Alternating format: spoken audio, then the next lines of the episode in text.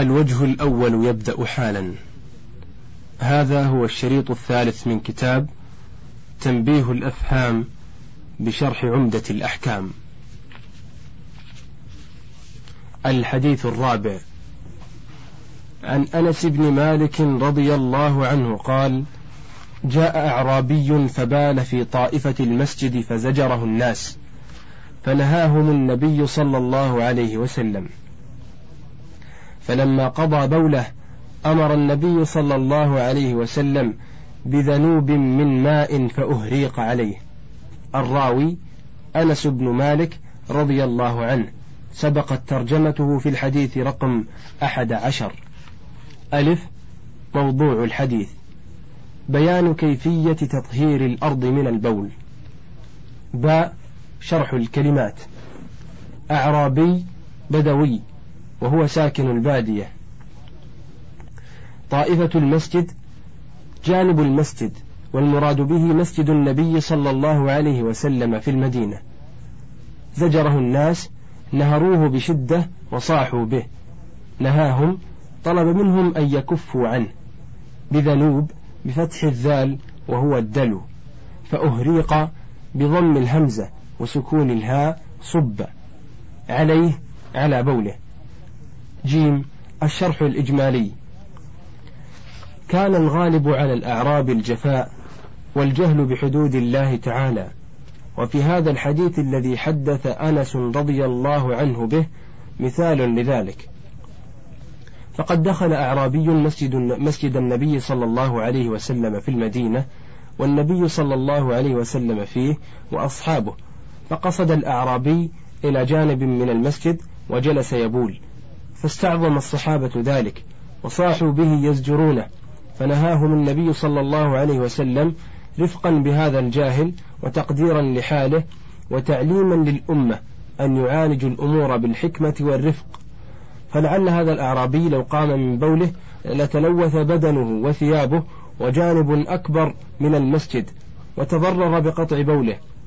فلما انتهى الأعرابي من بوله وزوال خوف هذه المحاذير أمر النبي صلى الله عليه وسلم بإزالة مفسدة بوله بتطهير مكانه فأمر أن يصب عليه دلو من ماء.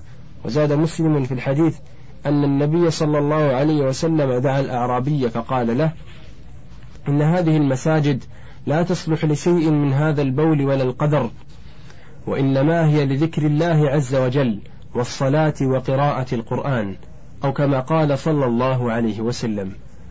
وللبخاري من حديث أبي هريرة رضي الله عنه أن النبي صلى الله عليه وسلم أمر الصحابة بتركه وقال فإنما بعثتم ميسرين ولم تبعثوا معسرين. دال فوائد الحديث. أولا العناية بالمساجد وتنزيهها عن البول والقدر. ثانيا وجوب تطهير المساجد من النجاسة فورا إذا حصلت فيها. ثالثا أن الأرض تطهر بصب الماء على المكان النجس بدون تكرار إلا أن تكون النجاسة باقية فتزال قبل صب الماء. رابعا حسن خلق النبي صلى الله عليه وسلم وحكمته عند التعليم وإزالة المنكر. الحديث الخامس. عن أبي هريرة رضي الله عنه أن النبي صلى الله عليه وسلم قال الفطرة خمس. الختان والاستحداد وقص الشارب وتقليم الأظفار ونتف الإبط. الراوي أبو هريرة سبقت ترجمته في الحديث رقم اثنين. ألف موضوع الحديث. بيان خصال الفطرة. باء شرح الكلمات. الفطرة أي خصال الفطرة. والمراد بالفطرة هنا ما فطر الناس على حسنه أي جبلوا على حسنه. خمس أي خمس خصال. الختان قطع جلدة الذكر التي فوق الحشفة حتى تبرز وقطع رأس جلدة في فرج الأنثى فوق محل الإيلاج. الاستحداد حلق العانة وهي الشعر الخشن الذي ينبت حول القبل. قص الشارب قص قطع أطراف شعره بالمقص والشارب الشعر الذي ينبت فوق الشفة العليا. تقليم الأظفار قطع أطرافها الخارجة عن منابتها في اللحم. نتف الإبط قطع شعره من أصله. والإبط بكسر الهمزة وسكون الباء باطن المنكب. جيم الشرح الإجمالي. اشتمل دين الإسلام على الآداب العالية الموافقة للفطرة التي فطر الله الناس على حسنها وكمالها. وفي هذا الحديث يحدث أبو هريرة عن النبي صلى الله عليه وسلم مبينا خمسا من خصال الفطرة المتضمنة لكمال النزاهة والطهارة وجمال المنظر. وهي الختان المتضمن لكمال الطهارة في الذكور واعتدال الطبيعة في النساء وحلق العانة المانع من تراكم الأوساخ بالعرق النازل من البطن والمتضمن لكمال الطهارة أيضا. وقص الشارب لأنه نظافة وجمال منظر وتقليم الأظفار المانع لتراكم الأوساخ تحتها والبعد عن مشابهة الحيوان ذي المخالب. ونتف الإبط لقطع الروائح الكريهة الناتجة عن علوق الأوساخ والعرق بالشعور. دال فوائد الحديث. أولا مشروعية هذه الخصال الخمس الختان والاستحداد وقص الشارب وتقليم الأظفار ونتف الإبط. لأنها من الفطرة. ثانيا أن الأفضل القص في الشارب والنتف في الإبط والحلق في العانة فإن شق النتف أزال الشعر بأي مزيل. ثالثا كمال الشريعة الإسلامية بموافقة الفطرة ومراعاة النظافة. هاء تكميل. لم يبين في هذا الحديث متى يكون القيام بهذه الخصال. فأما الختان ففعله في زمن الصغر أفضل لأنه أسبق إلى الخير وأسرع برءا وأقل ألما ولا يؤخر عن البلوغ. وأما الاستحداد وقص الشارب وتقليم الأظفار ونتف الإبط فمتى طالت أخذت لكن لا تترك أكثر من أربعين يوما. لقول أنس بن مالك رضي الله عنه وقتلنا في قص الشارب وتقليم الأظفار ونتف الإبط وحلق العانة ألا نترك أكثر من أربعين ليلة. رواه مسلم. باب الغسل من الجنابة. الغسل بضم الغين الاغتسال وهو تعميم البدن بالغسل بالماء. والجنابة في الأصل البعد والمراد بها هنا إنزال المني. سمي بذلك لأن المني بعد عن محله وانتقل عنه. الحديث الأول. عن أبي هريرة رضي الله عنه أن النبي صلى الله عليه وسلم لقيه في بعض طرق المدينة وهو جنب. قال فانخنست منه فذهبت فاغتسلت ثم جئت. فقال أين كنت يا أبا هريرة؟ قال كنت جنبا فكرهت أن أجالسك وأنا على غير طهارة. فقال سبحان الله إن المسلم لا ينجس. الراوي أبو هريرة رضي الله عنه. سبقت ترجمته في الحديث رقم اثنين. ألف موضوع الحديث. بيان حكم الجنب ومجالسته.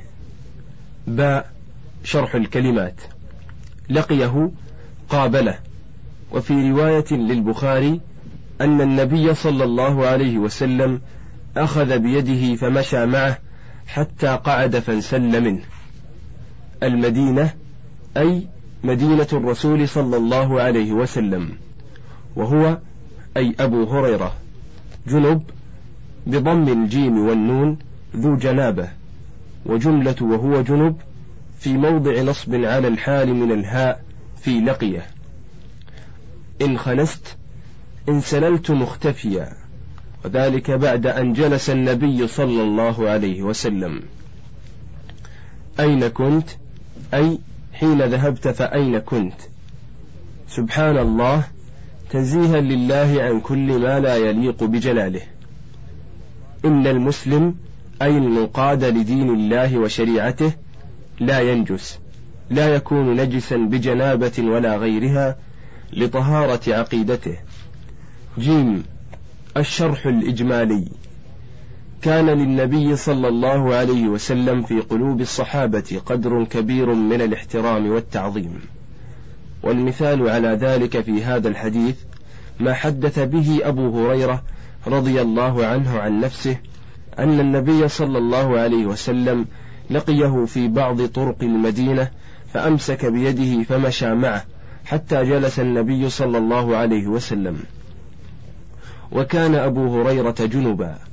فكره أن يجلس مع النبي صلى الله عليه وسلم على غير طهارة فانسل من عنده بخفية وذهب واغتسل ثم جاء إلى النبي صلى الله عليه وسلم فسأله أين كان حين ذهب فأخبره أبو هريرة بحاله وأنه ذهب ليغتسل من الجنابة حتى يكون طاهرا حين جلوسه مع النبي صلى الله عليه وسلم.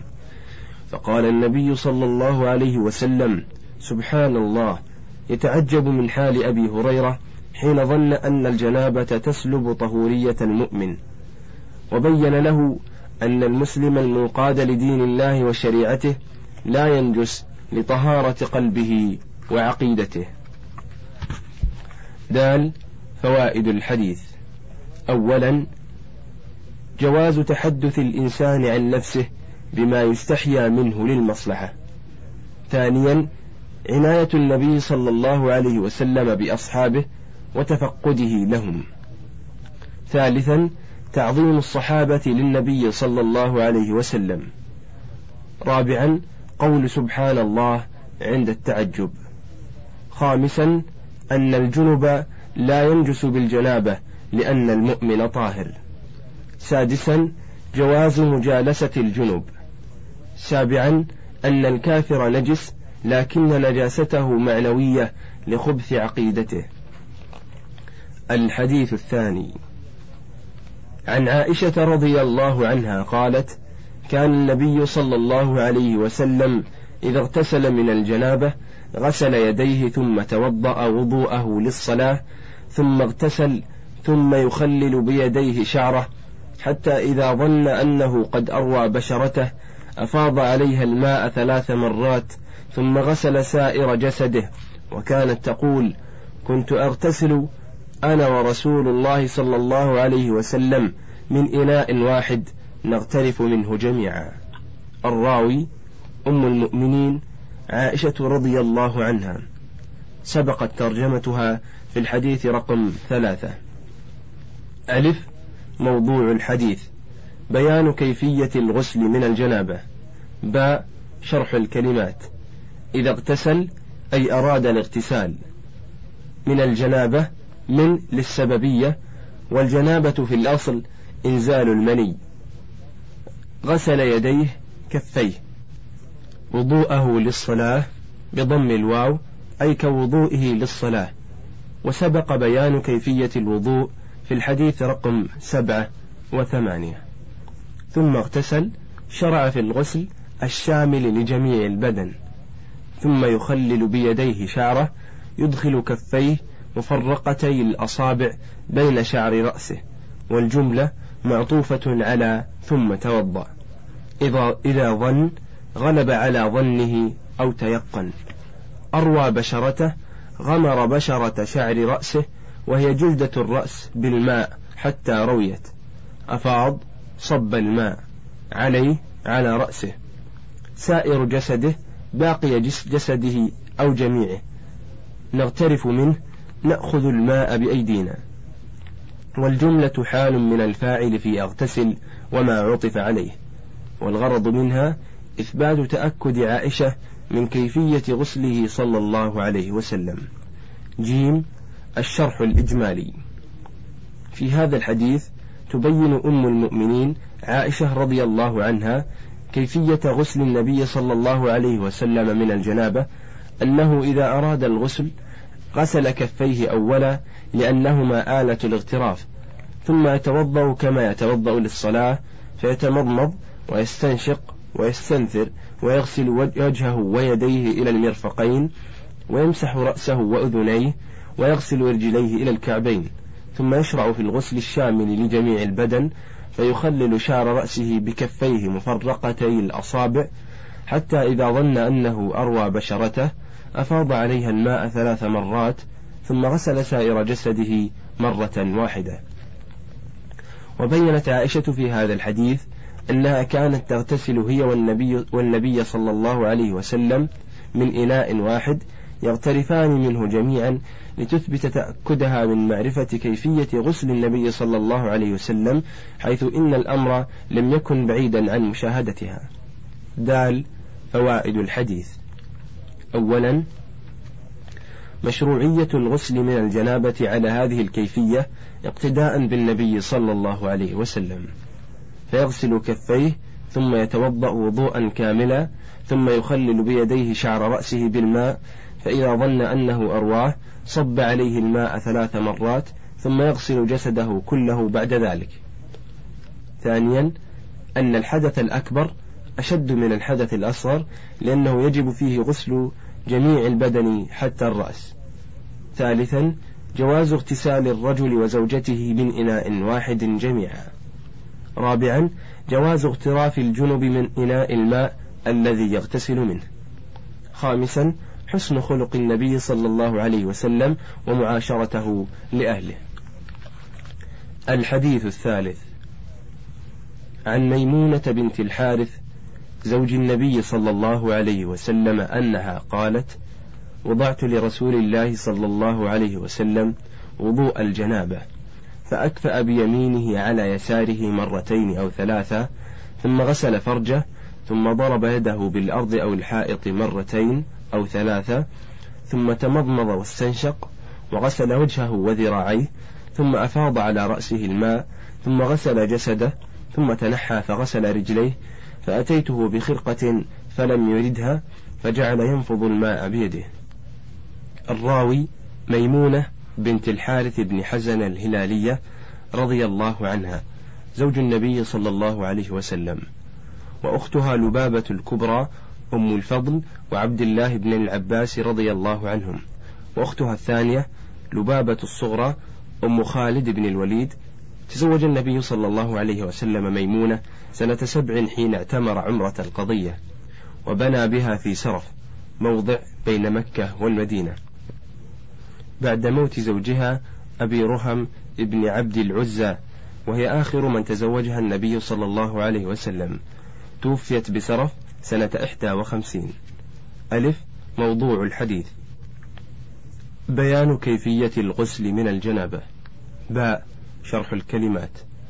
وضعت لرسول الله صلى الله عليه وسلم جعلت له في المكان المعد لغسله. وضوء الجنابة بفتح الواو أي ماء غسل الجنابة. فأكفأ أمال الإناء لينصب منه الماء. بيمينه بيده اليمنى. مرتين أو ثلاثة أو للشك من أحد الرواة. يده بالأرض كفه على الأرض. أو الحائط الجدار. أو للشك من أحد الرواة. تنحى تحول من مكانه إلى ناحية أخرى. فلم يردها بضم الياء وكسر الراء المخففة أي لم يأخذها كما في رواية أخرى. ينفض الماء يسلته من على جسده. بيده يحتمل بيد واحدة أو باليدين الثنتين. جيم الشرح الإجمالي.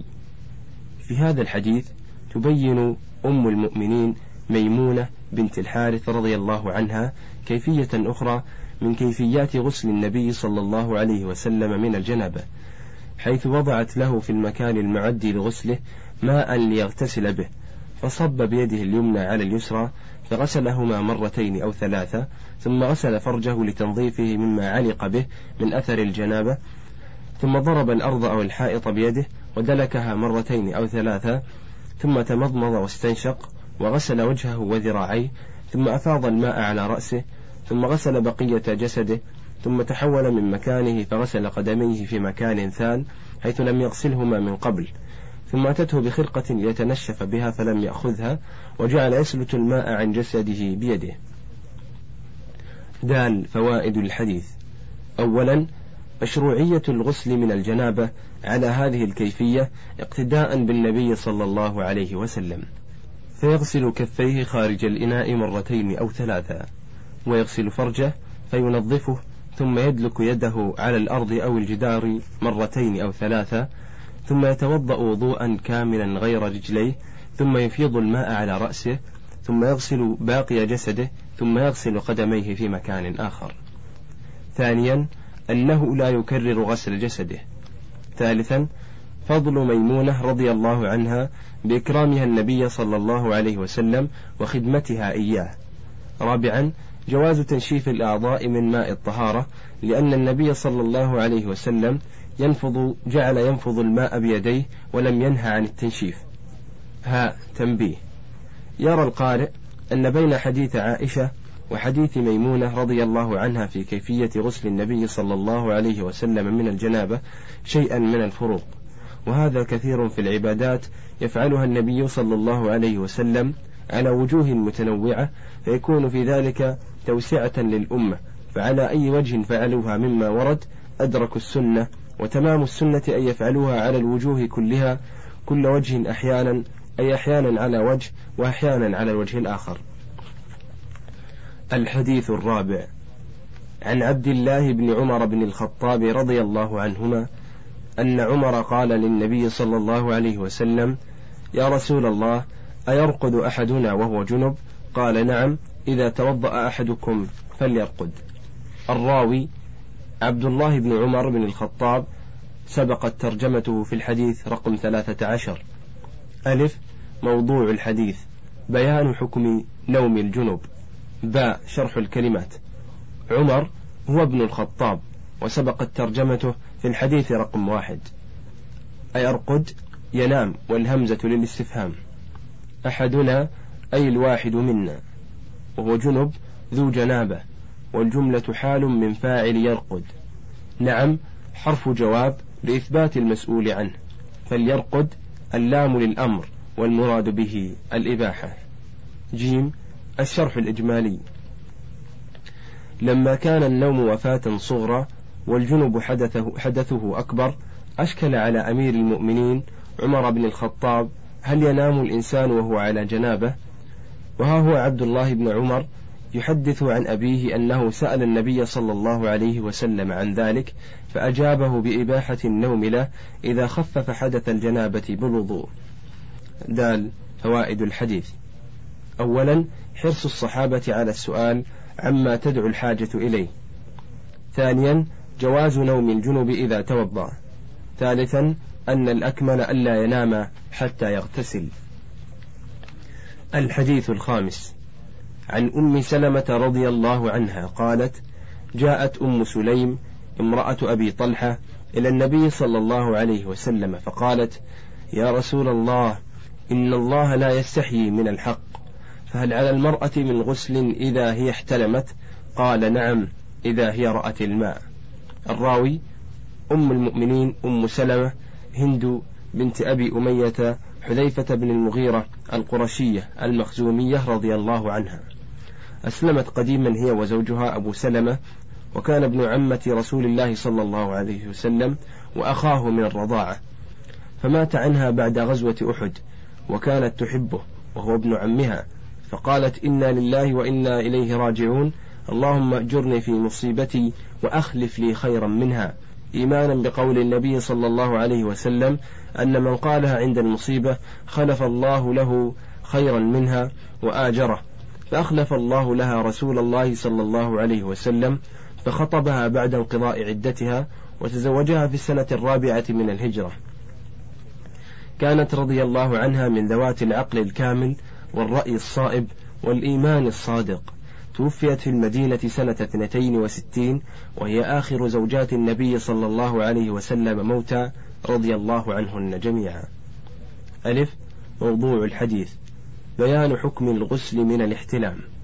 باء شرح الكلمات. أم سليم سهلة بنت, بنت ملحان الأنصارية. أم أنس ابن مالك أسلمت متقدمة مع قومها من الأنصار فغضب لذلك زوجها مالك فخرج إلى الشام فهلك. ثم خطبها أبو طلحة فقالت إن أسلمت تزوجتك ولا أريد منك صداقا غيره. وأسلم. فزوجها به ابنها أنس بن مالك رضي الله عنه. كانت من أعقل النساء وأثبتهن قلبا وأفضلهن أدبا ودينا رضي الله عنها. امرأة أبي طلحة زوجته وهو زيد بن سهل الأنصاري الخزرجي من فضلاء الصحابة. شهد غزوة بدر وأحد وتصدق بأحب أماله إليه حين نزل قوله تعالى لن تنالوا البر حتى تنفقوا مما تحبون توفي حوالي سنة خمسين. إن الله لا يستحي من الحق لا يمتنع من ذكره أو فعله حياء. والجملة ابتدائية الغرض منها تقديم الاعتذار عما ستسأل عنه. والحق كل خبر خلا من الكذب وكل حكم خلا من الجور. من غسل من اغتسال ومن زائدة وغسل مبتدأ مؤخر خبره على المرأة. احتلمت رأت في المنام أنها تجامع. رأت أبصرت. الماء المني. جيم الشرح الإجمالي. تحدث أم المؤمنين أم سلمة رضي الله عنها عن أم سليم الأنصارية أنها جاءت إلى النبي صلى الله عليه وسلم تسأله عن المرأة إذا احتلمت فهل عليها من غسل؟ وهو سؤال يمنع الحياء كثيرا من النساء أن يصرحن به. ولكن لمحبة أم سليم للعلم وتشوقها لمعرفة الحكم لتعبد الله على بصيرة أقدمت على التصريح به وقدمت بين يدي ذلك كلاما يمهد لعذرها حيث قالت إن الله لا يستحيي من الحق. وإذا كان سبحانه لا يستحيي منه فلنسأل عن الحق أينما كان. وقد أجابها النبي صلى الله عليه وسلم بأن على المرأة إذا احتلمت أن تغتسل بشرط أن ترى المني خارجا منها. دال فوائد الحديث. أولا فضيلة أم سليم بحرصها على الفقه في الدين وحسن أدبها بتقديمها ما يمهد لعذرها. ثانيا نفي صفة الحياء من الحق عن الله عز وجل وذلك لكمال عدله ورحمته. ثالثا إثبات أن المرأة تحتلم وتنزل المني. رابعا وجوب الغسل على من احتلم إذا رأى المني.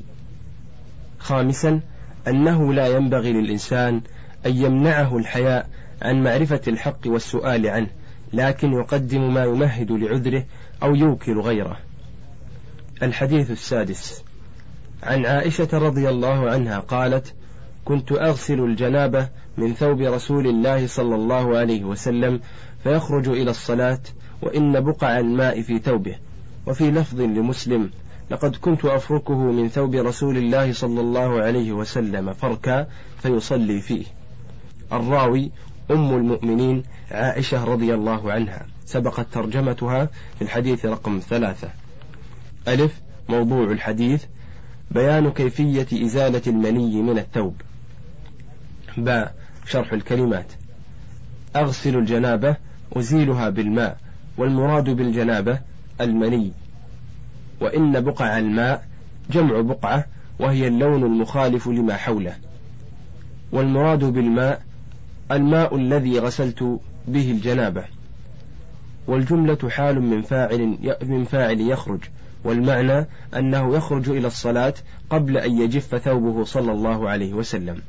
لقد كنت اللام موطئة للقسم وقد للتحقيق. فالجملة مؤكد مؤكدة بثلاثة مؤكدات القسم المقدر واللام وقد والتقدير والله لقد. أفركه أي المني والفرك الدلك. فرك مصدر مؤكد لعامله وفائدته نفي أن يكون مع الدلك ماء جيم الشرح الإجمالي. تحدث عائشة رضي الله عنها عن كيفية إزالتها المني من ثوب رسول الله صلى الله عليه وسلم أنها تغسله أحيانا وتفركه أحيانا. فإذا كان رطبا غسلت فيخرج النبي صلى الله عليه وسلم إلى الصلاة وبقع الماء في ثوبه ترى قبل أن يجف. وإذا كان يابسا فركته حتى يتفتت ويزول ثم يصلي فيه النبي صلى الله عليه وسلم بدون غسل. دال فوائد الحديث. أولا طهارة المني لأنه لو كان نجسا لم يطهر بمجرد فركه. ثانيا أن المشروع إزالة أثره وكيفية ذلك أن يغسله إن كان رطبا ويفركه إن كان يابسا وإن غسله فجائز. ثالثا فضيلة عائشة لخدمتها النبي صلى الله عليه وسلم ورضي عنها.